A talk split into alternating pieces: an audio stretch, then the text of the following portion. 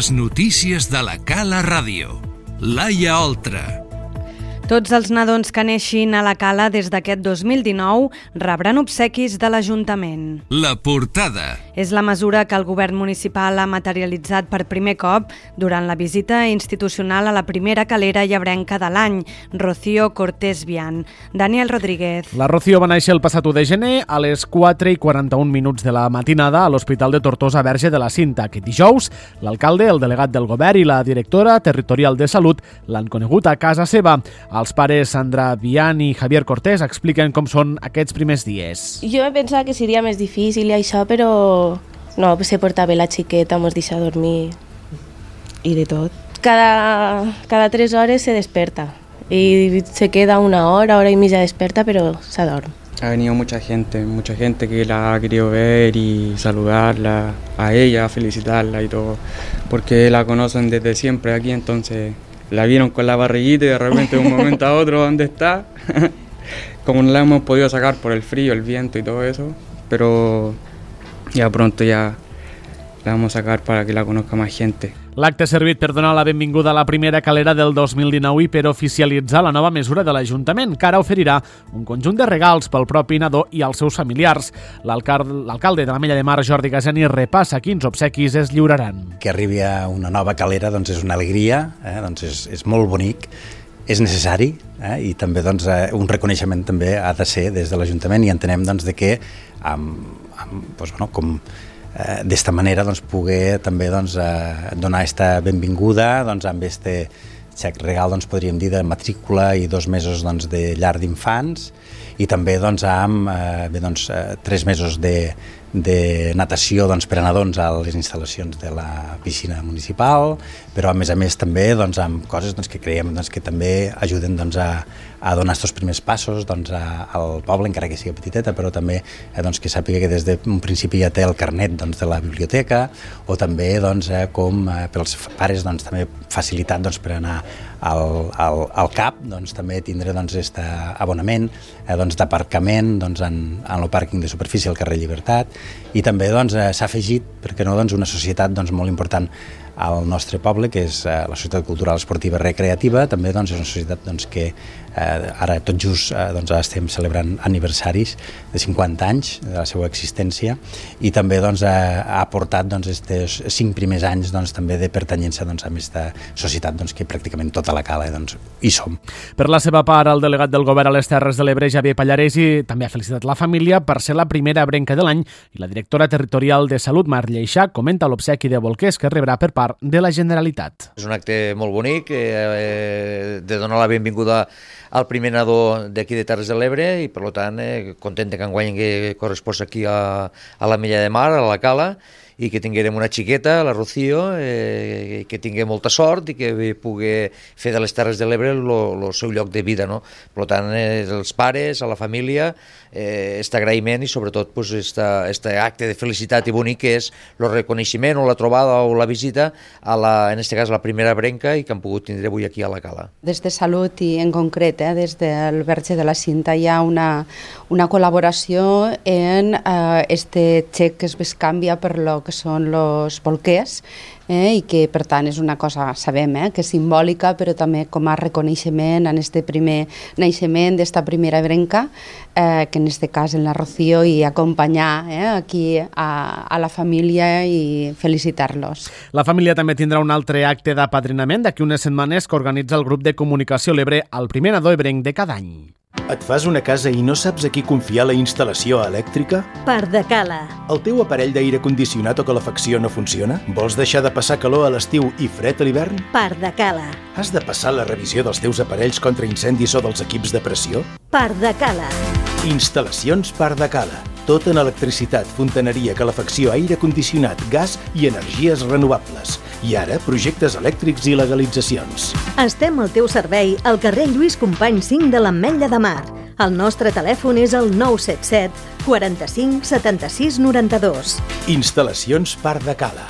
Garantia de professionalitat. Més temes. El grup d'acció local Mar de l'Ebre i representants de les confraries de l'encerclament catalanes, entre les quals la de l'Ametlla de Mar, fan aquests dies una visita al País Basc. L'estada és en el marc del projecte de cooperació d'intercanvi d'experiències pesqueres entre Catalunya i Euskadi. La delegació catalana ha visitat diferents ports i confraries per nodrir-se del model basc de comercialització i de les diferents experiències tecnològiques que han realitzat instituts de recerca bascons. Entre els representants Camps i el patró major de la confraria calera, Miquel Brull.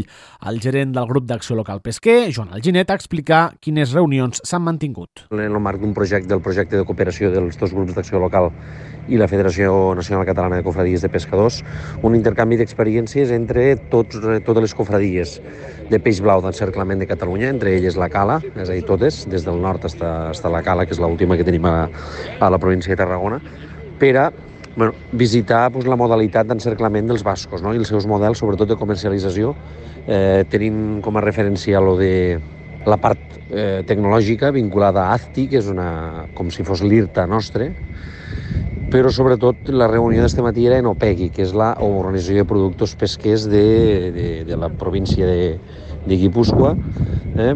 eh, i de quina manera poden comercialitzar millor pues, la, la venda del peix blau. ¿vale?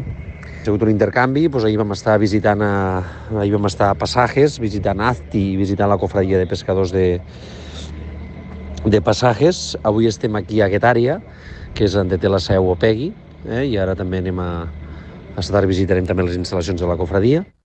I la Fundació CRAM per la Conservació i Recuperació d'Animals Marins ha fet 62 assistències a tortugues marines de l'espècie careta-careta, al Delta de l'Ebre, en el darrer any, en el marc d'un projecte de recuperació i reintroducció en el medi natural de tortugues capturades de forma accidental en xarxes d'arrossegament.